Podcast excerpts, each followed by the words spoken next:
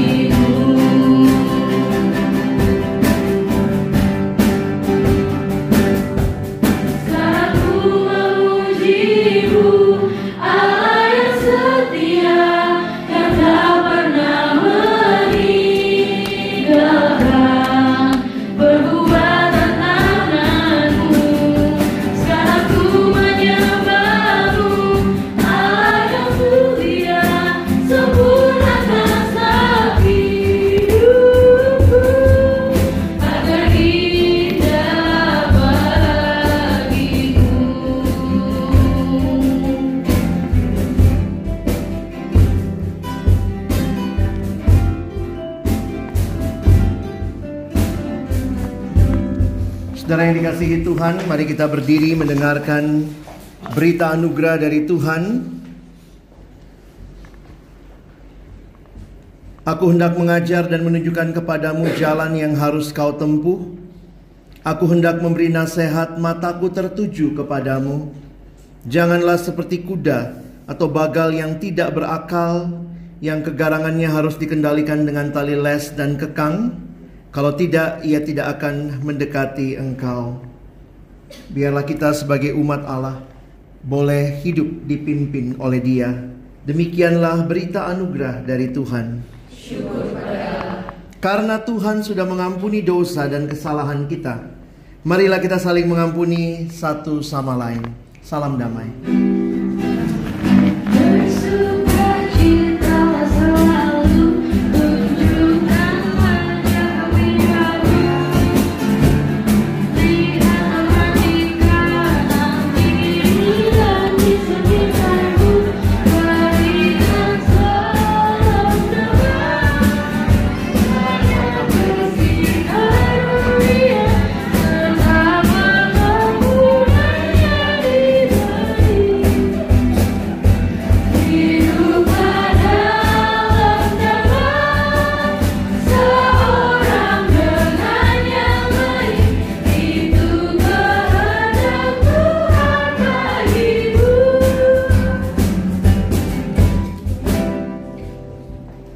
Menyiapkan hati mendengarkan firman Tuhan.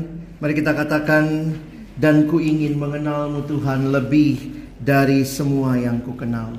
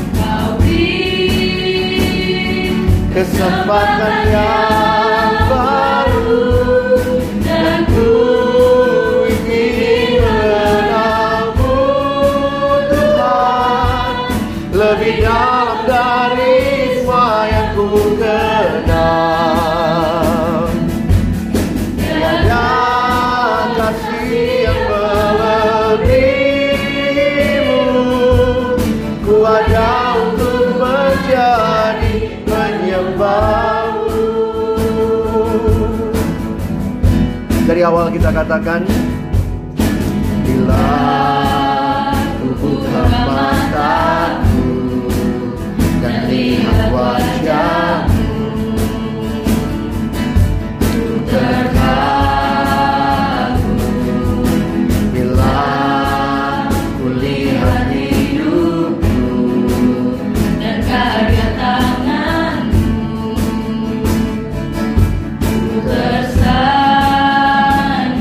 Hanya wanita.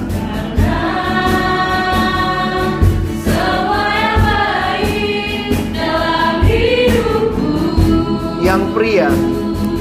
Itulah karyamu Kau beri Kesempatan yang bersama-sama. Dan ku ingin mengenalmu Dalam dari semua yang ku kenal. Tiada kasih yang melebihimu. Ku ada untuk menjadi penyembah. Dan ku ingin mengenalmu Tuhan. Dan ku ingin mengenalmu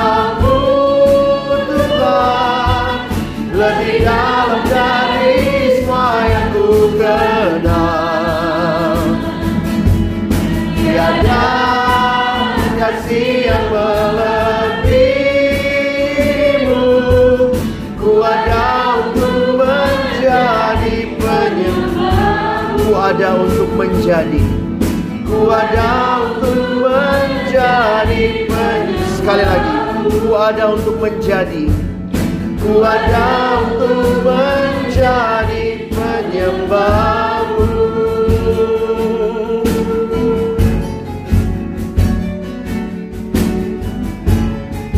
Mari tunduk kepala kita berdoa di hadapan Tuhan.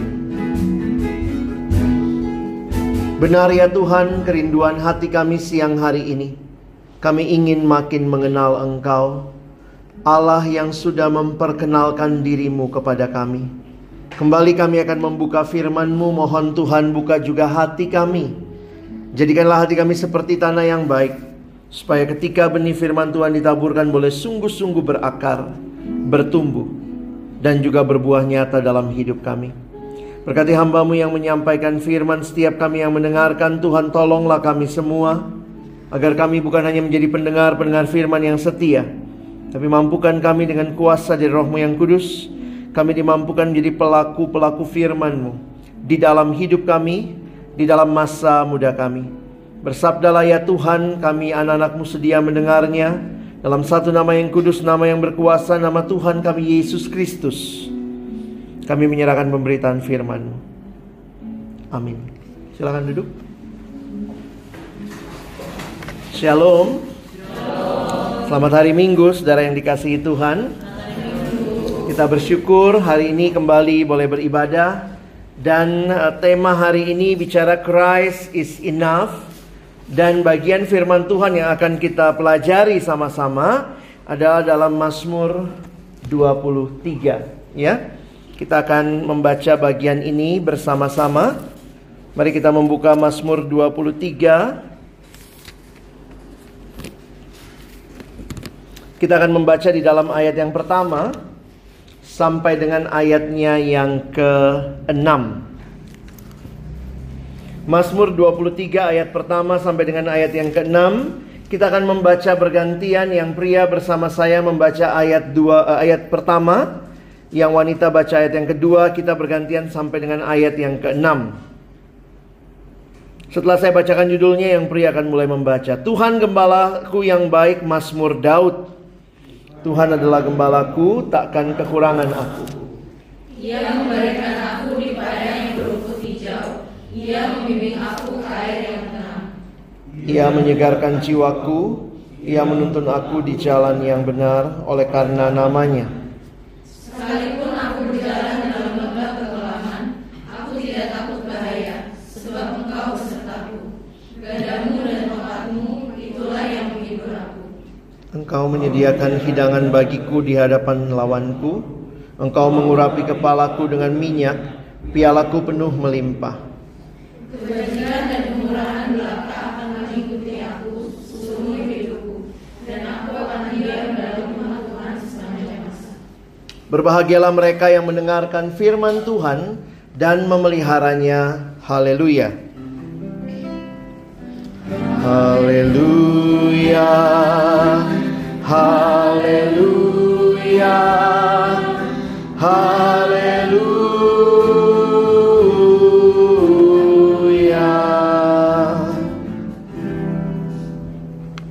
Christ is enough. Kristus itu cukup bagi hidup kita.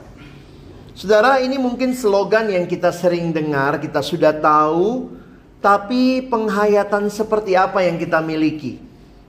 Nyatanya dalam dunia masih banyak hal yang manusia cari, seolah-olah Kristus belum cukup. Nah, hari ini kita mau belajar dari Mazmur 23, satu Mazmur yang indah sekali dan terkenal sepanjang zaman, sepanjang masa. Karena di dalam Mazmur ini terlihat dengan jelas bagaimana pengakuan Raja Daud. Beberapa penafsir mengatakan bahwa Daud menuliskan Mazmur ini kemungkinan besar waktu dia sudah jadi raja. Beberapa orang yang dipanggil Allah memimpin Israel itu latar belakangnya adalah gembala. Contohnya Musa. Contoh lain lagi adalah Daud ini. Jadi gambaran gembala dan domba menjadi gambaran yang sangat umum antara orang yang memimpin sebagai gembala dan domba yang dipimpin. Karena itu tidak heran juga beberapa gereja menyebut pendetanya dengan gembala ya. Iya Pak Gembala, oke anak domba gitu kali ya. Karena kan berarti yang manggil domba gitu ya. Memang nggak terlalu umum ya kita sebut gembala dan jemaatnya. Harusnya gembala dan dombanya. Nah saudara yang dikasihi Tuhan, tapi kalau kita perhatikan sebenarnya Mazmur ini tidak hanya bicara antara gembala sama domba. Khususnya kalau teman-teman lihat tadi, coba perhatikan ayat yang kelima. Mulai ayat yang kelima dan keenam gambarannya sedikit berubah. Makanya beberapa penafsir mengatakan ini bukan hanya Allah sebagai gembala bagi Daud, tetapi kalau lihat ayat 5, ayat yang ke-6, ini bicara tentang Allah sebagai tuan rumah. Coba lihat di depan saya tuliskan. David wrote a psalm about God as his shepherd, but at the same time God as host. Karena ini dua gambaran yang berbeda. Cuma memang orang taunya Mazmur ini pasti Mazmur tentang gembala dan domba. Coba perhatikan ayat yang kelima. Engkau menyediakan hidangan bagiku di hadapan lawanku, engkau mengurapi kepalaku dengan minyak, pialaku penuh melimpah. Di mana hal ini terjadi? Ini biasanya di dalam budaya Palestina pada masa Daud, kalau ada orang yang bertamu ke dalam rumah seseorang, maka dia akan diperlakukan sebagai tamu yang diterima dan dilindungi. Jadi ini gambaran God as host. Jadi engkau menyediakan bagiku hidangan di hadapan lawan. Maksudnya di tengah-tengah situasi yang sulit, Tuhan itu seperti tuan rumah yang melindungi Daud. Saudara, kalau ada orang yang datang ke rumah kita kan tentunya kita akan lindungin dia ya. Supaya nggak diapa-apain orang lain kira-kira seperti itu. Itu bentuk hospitality di masanya Daud. Disediakan makanan, dilindungi, dikasih minuman, dikasih makanan yang melimpah. Dan yang menarik juga saudara, diurapi kepalanya. Nah itu kebiasaan pada masa itu ya. Kalau ada orang yang datang maka dia ditandanya disambut, tandanya diterima, kepalanya diurapi. Nah jadi kita sebenarnya harus belajar dua analogi ini. God as shepherd and God as host. Ya. Nah, keduanya ini bicara apa? Mazmur 23 adalah nyanyian mengungkapkan kepercayaan. Nyanyian mengungkapkan penyataan iman yang menghalau duka cita, kesedihan, dan keraguan. Syair yang tertulis dengan bahasa sederhana namun bermakna jelas akan satu kepercayaan. Makanya banyak yang mengatakan ini Mazmur kepercayaan. Damai sejahtera, kepuasan dan berkat yang diperoleh hanya dari Tuhan, dari Tuhan sang gembala dan juga tuan rumah. Nanti kita coba lihat sama-sama dan saya mau mengajak kita memperhatikan mungkin karena kita jarang kali ya melihara domba. Ada yang di rumah pelihara domba? Kadang-kadang Tuhan bicara kepada kita bahasa yang harusnya waktu kita ya Tuhan bicara sama orang Palestina yang biasa menggembalakan kambing domba ya. Nah, sehingga Saudara perlu kita memahami sedikit tentang kedombaan. Gitu kali ya. Untuk memahami Mazmur seperti ini, saudara mesti punya konteks dan pemahaman tentang domba. Pertama kali saya terkesan membaca Mazmur ini waktu saya baca satu buku rohani, judulnya Shepherd Look at Psalm 23. Jadi itu sudah dalam bahasa Indonesia sekarang, saya lupa persis judul Indonesia-nya, tapi Tulisan itu yang pertama kali memberikan wawasan kepada saya tentang perdombaan ya. Kita mah anak kota mah mana pernah melihara domba di rumah ya. Paling banter meliharanya ayam. ya. ayam, kucing, anjing gitu ya. Semua yang bisa dimakan. Ngeri ya. nah, menarik begini. Ternyata domba ini punya keunikan, kekhasan. Jadi ada bagian-bagian tertentu dalam anatominya domba yang kalau saudara perhatikan, saudara akan menemukan keindahan baca Mazmur ini. Ya, jadi waktu dikatakan uh, Tuhan adalah gembalaku, takkan kekurangan aku, ini sebenarnya menggambarkan apa yang terjadi pada Daud. Jangan lupa Daud pernah menggembalakan kambing domba ayahnya. Nah, dalam pelajaran di buku itu dia kasih anatominya domba, Saudara. Nah ternyata domba itu punya beberapa kekuatan. Pertama, domba itu kuat sekali berdiri. Jadi nggak gampang suruh domba berbaring. Mazmur ini kan, ia membaringkan aku. Domba itu beda sama anjing. Anjing dikitik-kitik dia langsung baring. Ya, pasrah sempurna ya. Domba nggak gitu teman-teman. Ternyata anatominya domba, domba itu hewan yang sangat kuat berdiri. Dan dia hanya mau duduk dan berbaring kalau sudah cukup makan. Nangkap maksudnya?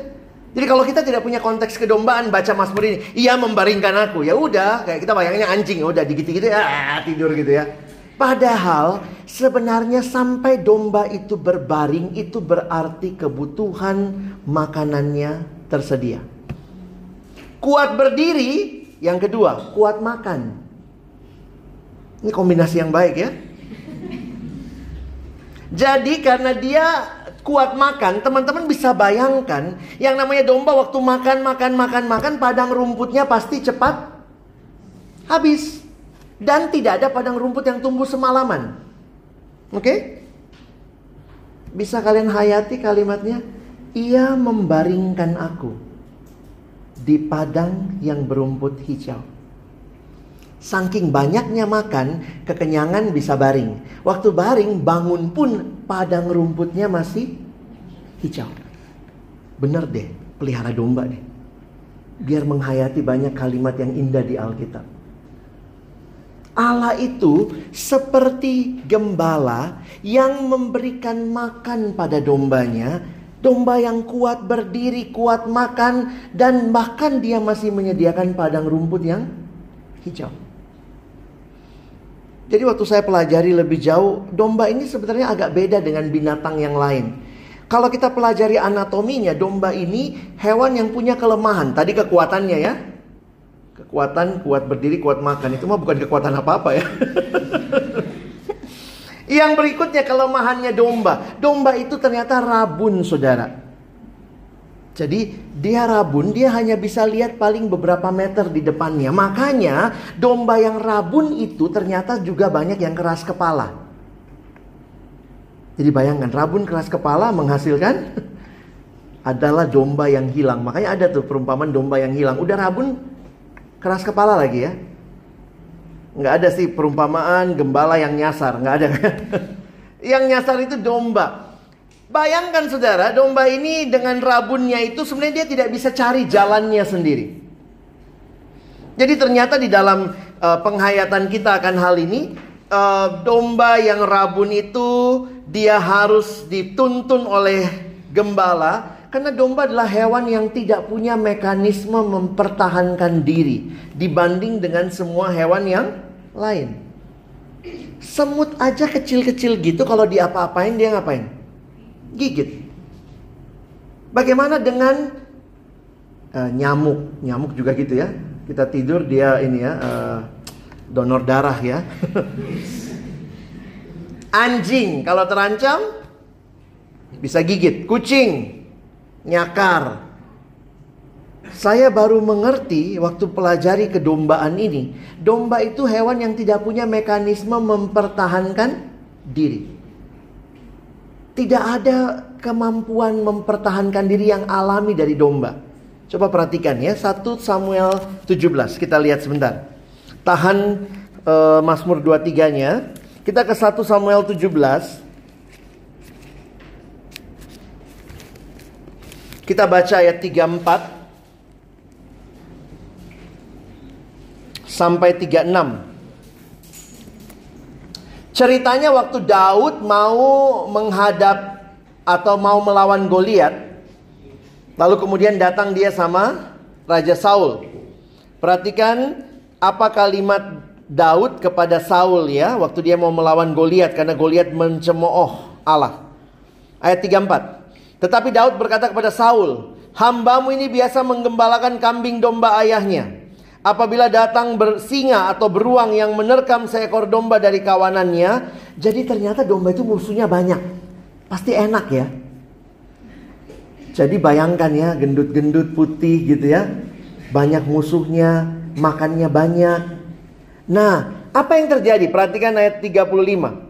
Maka aku mengejarnya, menghajarnya, dan melepaskan domba itu dari mulutnya. Kemudian apabila ia berdiri menyerang aku, maka aku menangkap janggutnya lalu menghajarnya dan membunuhnya. Baik singa maupun beruang telah dihajar oleh hambamu ini. Dan orang Filistin yang tidak bersunat itu, ia akan sama seperti salah satu daripada binatang itu, karena ia telah mencemooh barisan daripada Allah yang hidup.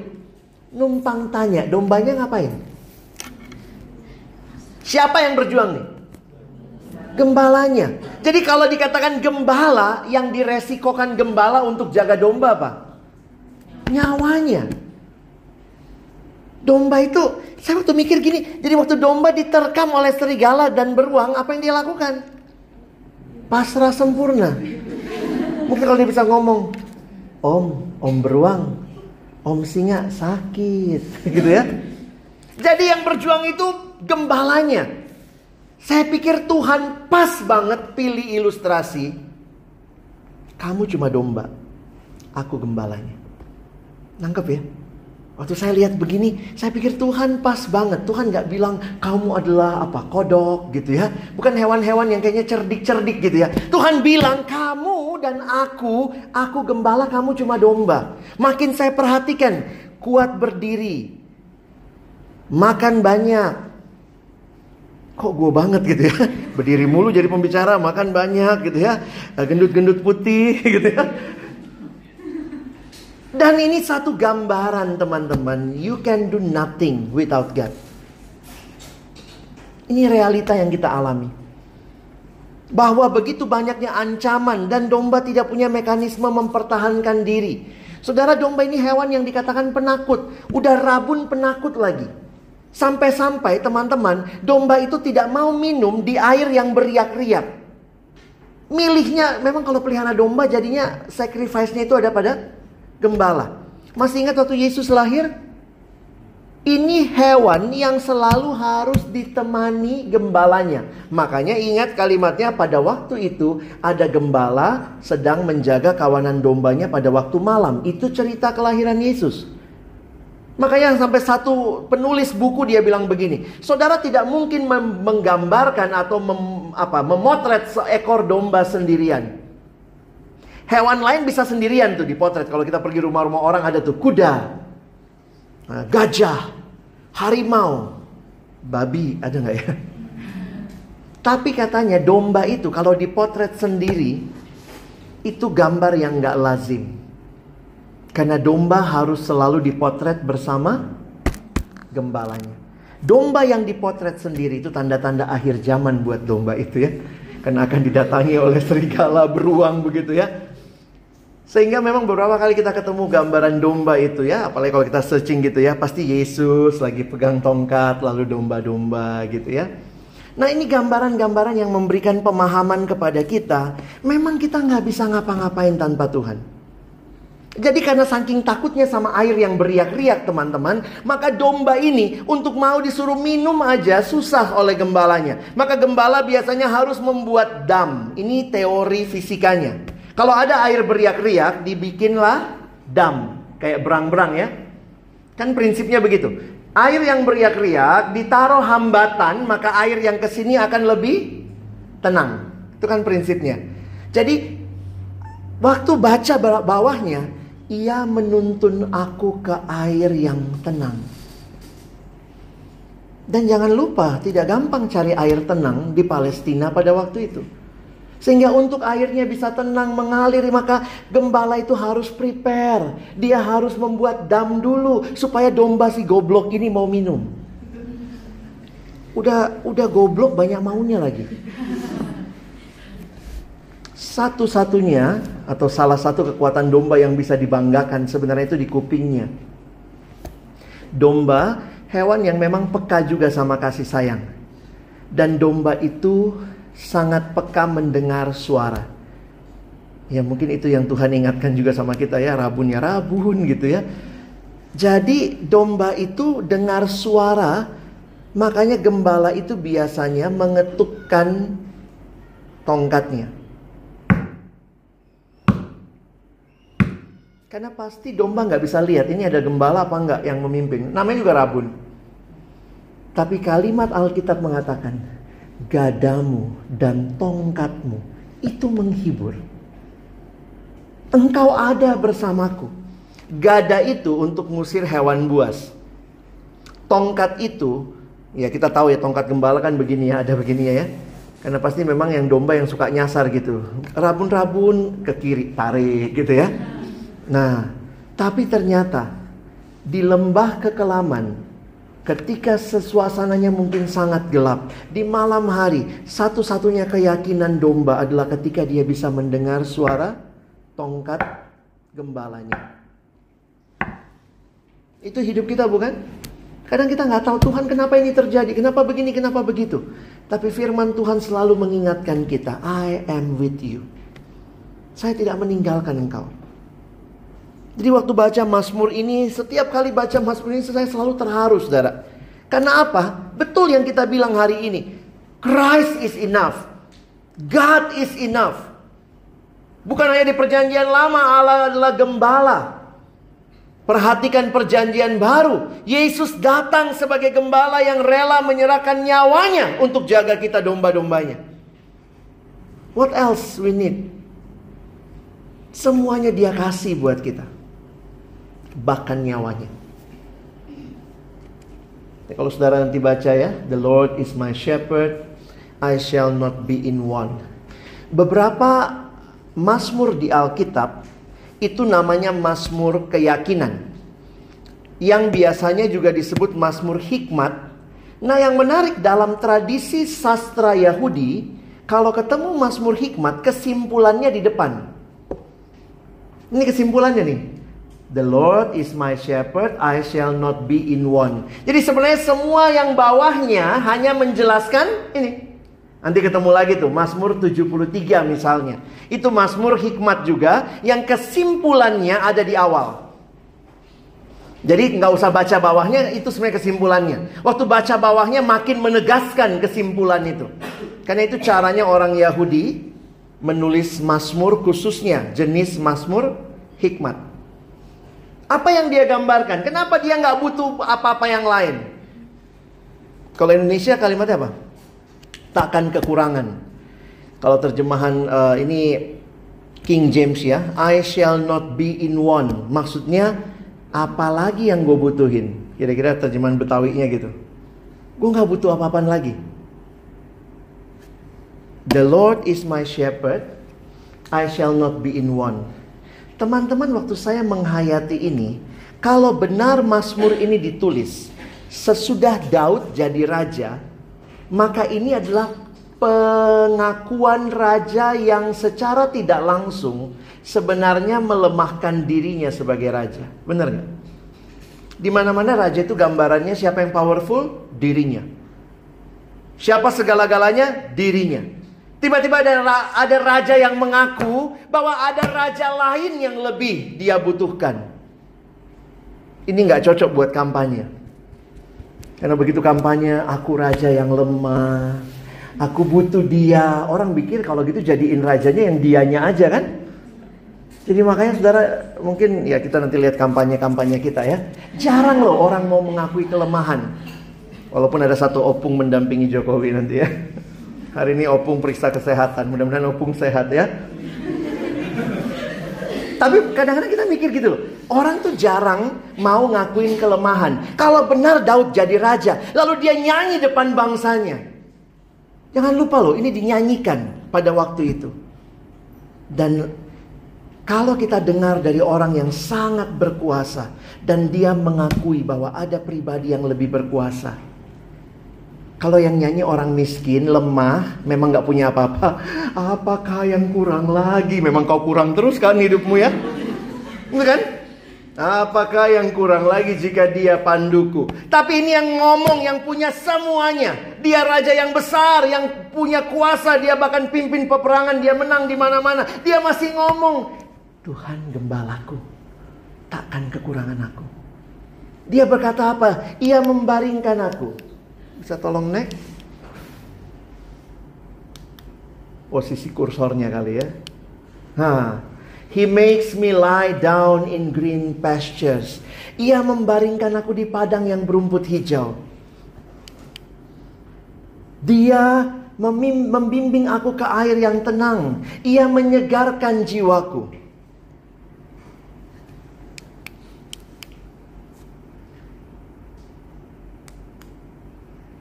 Dia menuntun aku ke jalan yang benar oleh karena namanya. Ada tiga kebutuhan dasar manusia yang disampaikan di sini. Ya mungkin sederhananya makan, minum, makan minum satu. Perlindungan yang kedua, yang ketiga tuntunan. Selalu manusia dalam hidup butuh kebutuhan fisik. Sampai bisa berbaring berarti cukup makan, cukup minum. Sampai bisa berbaring berarti yang namanya gembala berjaga-jaga, keamanan. Dan dia menyediakan tuntunan. Dalam hidup biasanya kita doanya seputar itu kan? Tuhan tolong Tuhan makan apa aku besok? Tuhan makan siapa besok? Tuhan tolong bisa punya rumah, mulai nyicil. Yang kita biasanya kita doain hal-hal fisik yang kita butuhkan. Tapi juga kita takut Tuhan tolong. Kayaknya Jakarta makin serem, kebutuhan perlindungan, keamanan. Bahkan Tuhan saya nggak tahu next step apa. Tuhan pimpin aku, apa pindah kantor apa tidak. Atau kalau lulus mesti ke mana. Tuhan tolong bagaimana orang tua yang sakit dan segala macam. Kita selalu butuh tiga hal ini. Fisik, keamanan, tuntunan. Dan itu dikasih tahu di Mazmur ini di bagian awal. Ia menyediakan bagiku. Tiba-tiba saudara masuk ke sini nih. Even though I walk through the valley of the shadow of death, I will fear no evil. For you are with me, your rod and your staff, they comfort me. Gadamu, yang tadi untuk mengusir hewan buas. Tongkatmu itu yang menghibur aku. Nah, saudara, kalau menghayati keindahan Mazmur ini, unik ya. Di bagian atas itu semua bahasanya dengan kata ganti orang ke tiga. Ia menyediakan. Ia, ia, ia. Semuanya kata ganti orang ketiga.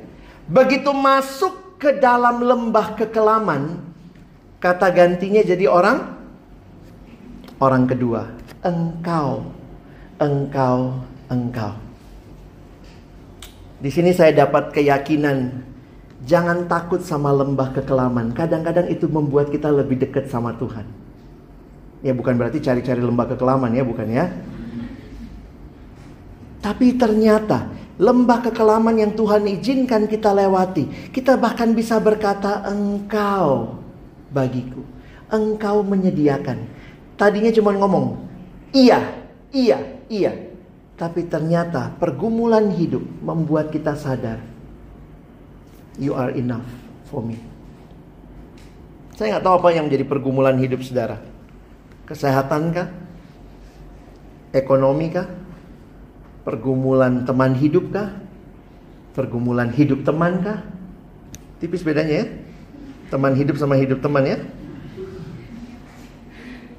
Pergumulan masa depan kah? Tapi semua itu harusnya mengingatkan kita. Tuhan tidak pernah meninggalkan kita. Lucunya manusia selalu mikirnya begitu. Kalau saya punya pergumulan hidup, Tuhan lagi ninggalin saya. Kenapa begitu ya? Karena sebenarnya kita tidak terlalu mau Tuhannya. Mungkin yang kita mau hanya apa yang kita mau, bukan Tuhan yang kita inginkan. Pemasmur mengatakan, Waktu aku berjalan dalam lembah kekelaman, engkau intim, kau dekat Tuhan. Dan Tuhan hadir menghibur. Sampai di sini kita berganti sebenarnya ke masalah host tadi ya. Maaf buat yang belum makan. Jangan netes ya. Jangan just You prepare a table before me in the presence of my enemies. Perhatikan di dalam Alkitab beberapa kali ketika ada ta, ada musuh-musuh yang melawan, maka ketika orang diterima di dalam rumah itu, masih ingat juga yang terjadi di rumahnya Lot di Sodom. Waktu orang itu mau dibawa keluar, lalu kemudian mereka satu kota mau melakukan hal yang tidak benar kepada dia, maka Lot mempertahankan tamunya. Itu kebiasaan masa itu.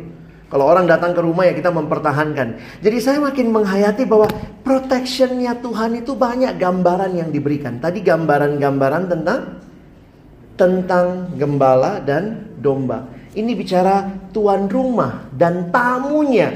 Teman-teman kita ini tamunya Tuhan begitu ya. Dan apa kesimpulan bagian akhir? Sebenarnya ayat 6 itu kesimpulannya ya. Surely goodness and mercy shall follow me, will follow me. Manusia dalam dunia ini mau cari kebaikan, kalau dalam bahasa Indonesia eh, kebajikan dan kebenaran ya. Apa kalimatnya tadi? Kebajikan dan kemurahan akan mengikut aku seumur hidup. Seorang hamba Tuhan, saya pernah dengar khotbah bagian ini. Dia bilang, orang-orang mau kebajikan, mau kemurahan. Orang-orang ngejar itu. Tapi bagi orang yang di dalam Tuhan, dia malah dikejar sama goodness and mercy. People in this world always try to find all these things. But when we have content in God, kalau kita puas di dalam Allah, maka kebajikan, kemurahan will follow us. Itu akan mengikuti kita. Bukan hanya sekarang, tapi seumur hidup. Dan aku akan diam dalam rumah Tuhan sepanjang masa. Teman-teman kenapa ma, ma, da, apa uh, Mazmur ini jadi Mazmur yang indah? Saya simpulkannya begini ya. Karena Daud sebenarnya tidak sedang nulis teori, Saudara. Daud menuliskan pengalaman pribadinya dengan Tuhan di mana ia tergantung sepenuhnya pada Tuhan seperti domba pada gembala. Ia menulis ketenangan domba yang berbaring di rumput hijau, di air yang tenang, selamat di dalam perlindungan dan seterusnya. apa yang Daud tuliskan di seluruh Mazmur 23 ini ditelatar belakangi oleh pengalaman yang panjang hubungannya dengan Tuhan Sang Gembala yang menyediakan kebutuhan-kebutuhan hidup dan yang melindunginya dari rasa takut dan bahaya. Bagaimana dengan kita? Mungkin kita sering ke gereja, kita datang ibadah, kita dengar Mazmur ini berkali-kali, tapi apakah kita menghayatinya dan mengimani? Terima kasih Tuhan. Saya butuh Engkau dalam hidup saya. Butuhnya bukan sewaktu-waktu. Kalau mau besok wawancara kerja, rajin ke gereja, baca Alkitab, dipanjang-panjangin gitu ya. Kita itu modelnya tukang nyogok ya. Kalau ada maunya baru baik-baik. Itu kalau ada KPK sorgawi ketangkep kita semua. Penjilat, Mari cintai Tuhan karena kita butuh Dia setiap waktu. Jangan cari Tuhan hanya karena kita punya mau, tapi carilah Dia karena Dia yang berkenan menjagai kita, melindungi kita. Iman kita biarlah terus dibangun di dalam kebergantungan penuh kepada Tuhan. Nah, kita lihat satu video dulu ya, lalu saya akan lanjutkan beberapa slide terakhir. Video ini kiranya menolong kita melihat kita sangat membutuhkan Tuhan ya. Ada soundnya juga tolong.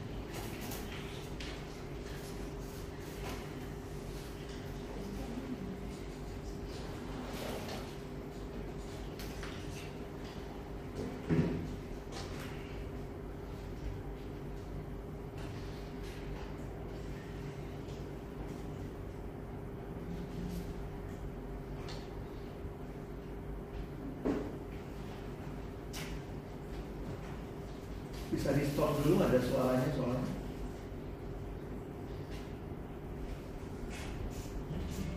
Bisa di dari awal dulu ya, muncul dari awal.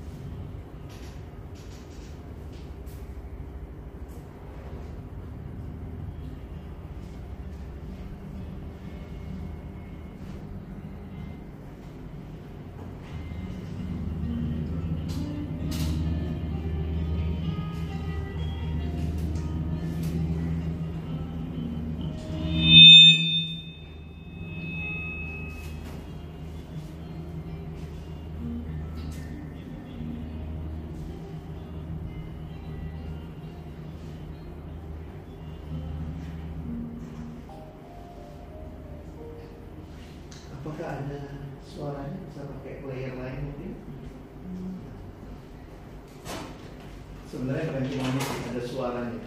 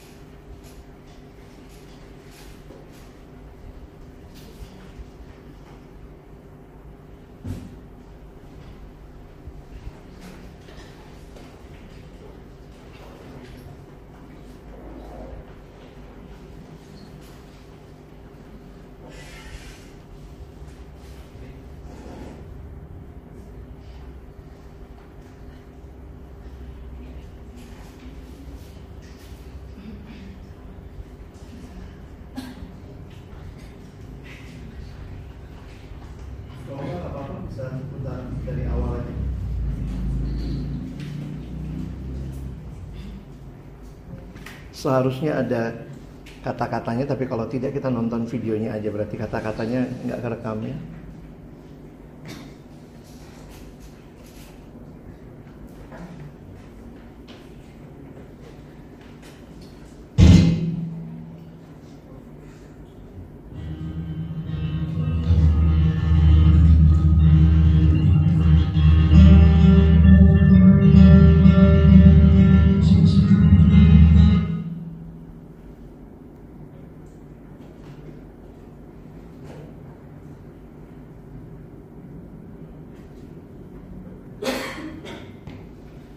Kita coba lihat aja.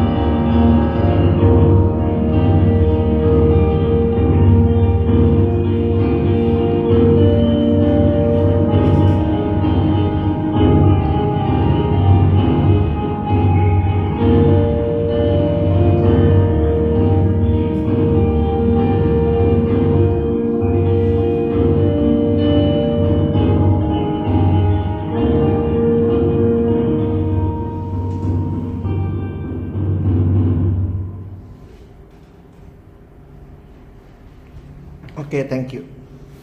Nanti kalau mau lihat lagi, sebenarnya sebenarnya kalimat-kalimatnya yang penting ya. Jadi ada beberapa kalimat di situ yang mengingatkan kita. Saya pikir yang sangat powerful tadi gambaran laptop ya. Waktu kita terpisah dengan sumber, ya kita drain out gitu ya, baterainya habis. Dan itu gambaran ketika kita merasa kitalah segala-galanya kita nggak butuh Tuhan. Saya teruskan bagian terakhir.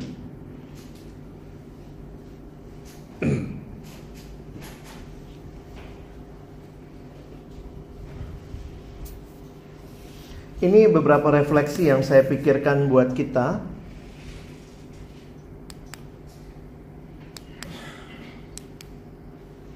Bahwa manusia hanya mungkin menemukan kepuasan sejati dari pencipta.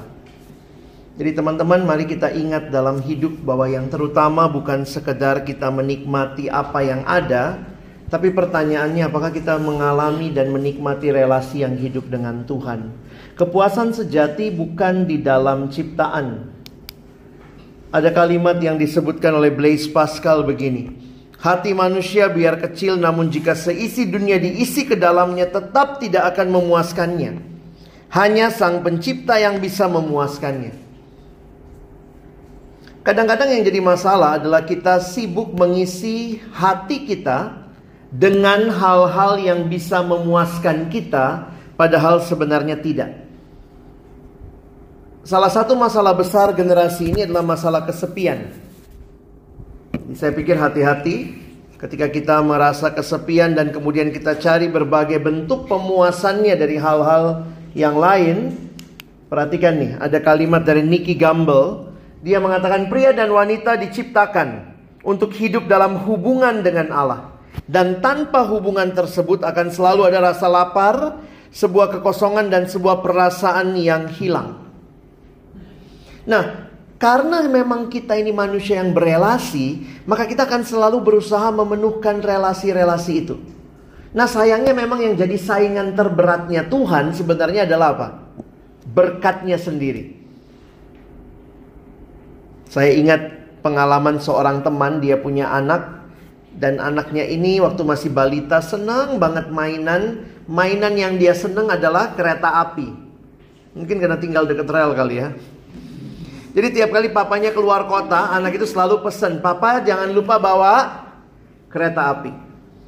Jadi ketika papanya lagi di luar kota, telepona, apa kabar? Kangen papa nggak? Kangen pak. Papa jangan lupa kereta api. Pas papanya pulang, anak itu langsung lari sambut papanya, "Papa, papa, papa." Dipeluk sebentar depan pintu, lalu kemudian pasti minta, "Papa mana?" Kereta api. Begitu udah dikasih kereta api, anaknya ke mana? Pergi. Jadi anaknya kangen papanya atau kereta api? Hmm? Saudara yang saudara rindukan dalam hidup Allah atau berkatnya ya? Makanya kalau kita hanya merindukan berkat, waktu berkat itu nggak ada, kita akan lupa bahwa ada sang pemberi berkat. Bisa jadi kita kayak istrinya Ayub. Kutuki Allahmu, fokus istri Ayub hanya kepada berkat. Kalau nggak dapat berkat, kutuki Allahnya, mana berkatnya? Tapi Ayub bisa fokus kepada Allah sampai dia mengatakan apa? Tuhan yang memberi, Tuhan yang mengambil. Terpujilah Tuhan. Masalah punya nggak punya itu masalah Tuhan, bukan masalah sekedar kemauan kita. Nah, hati-hati saudara, kadang-kadang kita merasa yang bisa memenuhkan itu bukan Allah.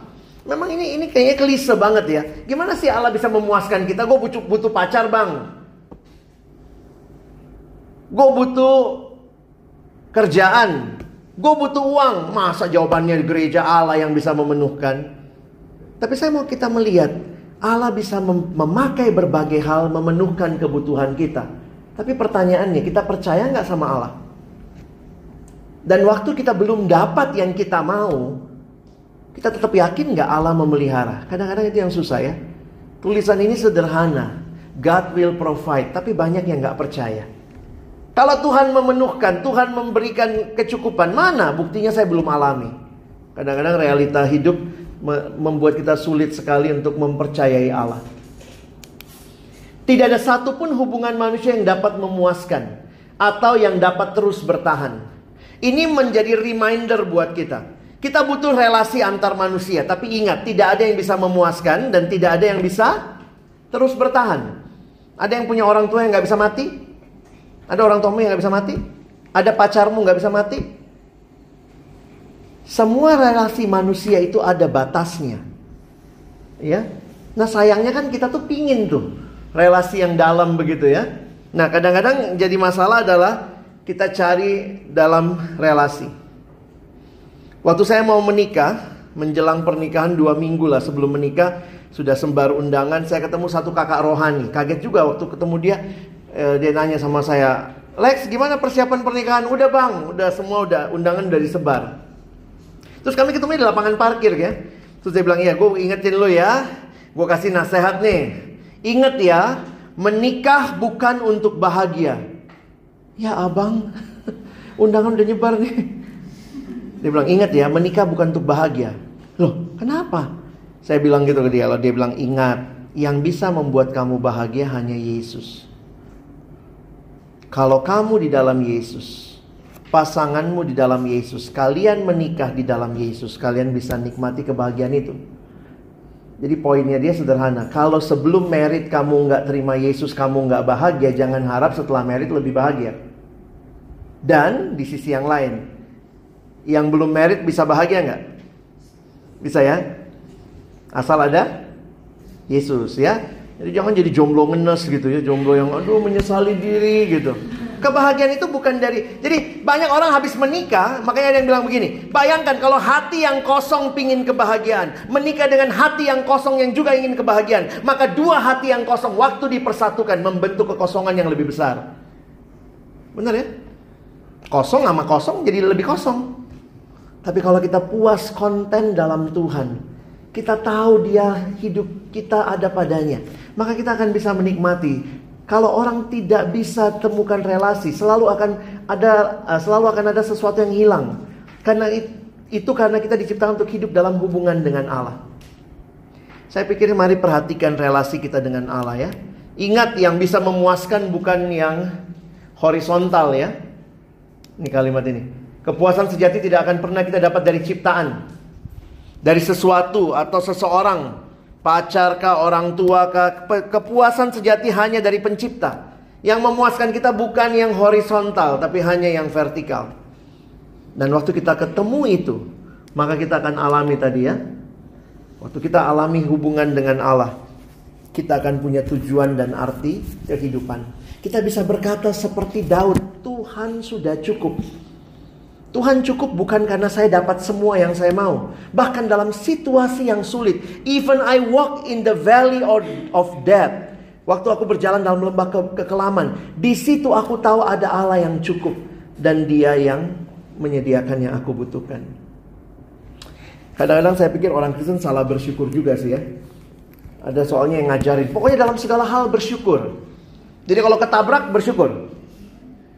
Itulah orang Indonesia ya, oh, bersyukur uh, cuma kaki nggak kepala. Saya pikir kalau kenapa kekristenan berkata dalam segala hal kita tetap bisa bersyukur. Apanya yang disyukuri?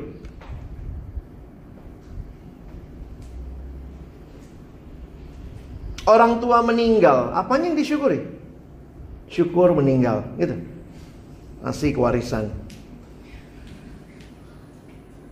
Yang disyukuri adalah Allah yang hadir dan terus menyertai, membimbing. Kecelakaan, ditabrak, pasti nggak nyaman, pasti nggak enak, itu pun sulit disyukuri. Jangan cari-cari ucapan syukur yang mengada-ngada ya. Waktu dikatakan mengucap syukur ya ucap syukur karena kamu masih punya Allah. Itu ucapan syukurnya Ayub. Dalam segala hal masakan kita hanya mau menerima yang baik dari Allah. Karena itu dia berkata, Tuhan yang memberi, Tuhan yang mengambil, terpujilah Allah. Kalau fokus kita kepada ciptaan, maka kita lupa. Begitu ciptaan gak ada, kita sungut-sungut. Tapi kalau fokus kita kepada Allah, Sang Pencipta, maka walaupun tidak ada hal yang kita mau, kita tetap bisa berkata, terima kasih Tuhan, kau tetap Allahku. Itu yang Daud alami. Saya tutup dengan satu cerita Entah benar entah tidak Tapi ini cerita dalam sebuah buku yang saya baca Dituliskan begini. Jadi satu waktu di Amerika Ada uh, gereja yang sering pasang iklan di uh, Gerejanya suka pasang iklan di koran.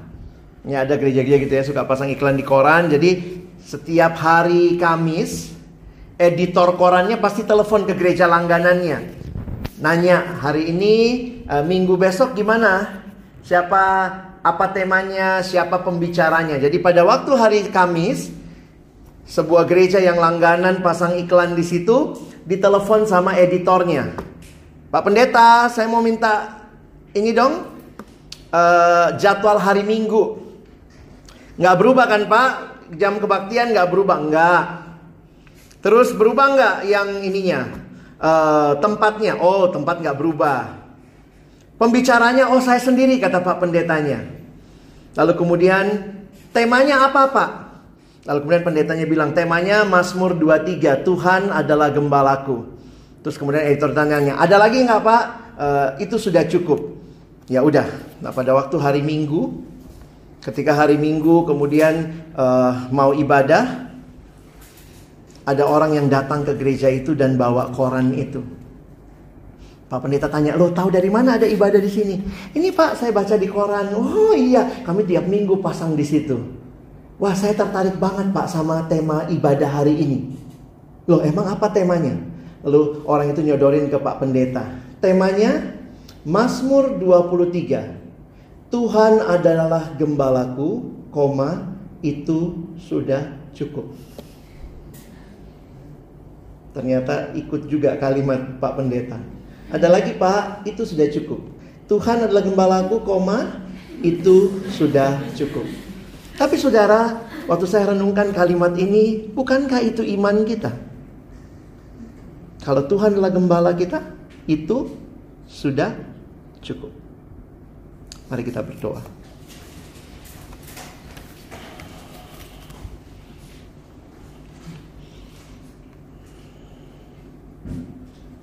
Ampuni kami Tuhan yang sering kali merasa Engkau belum cukup.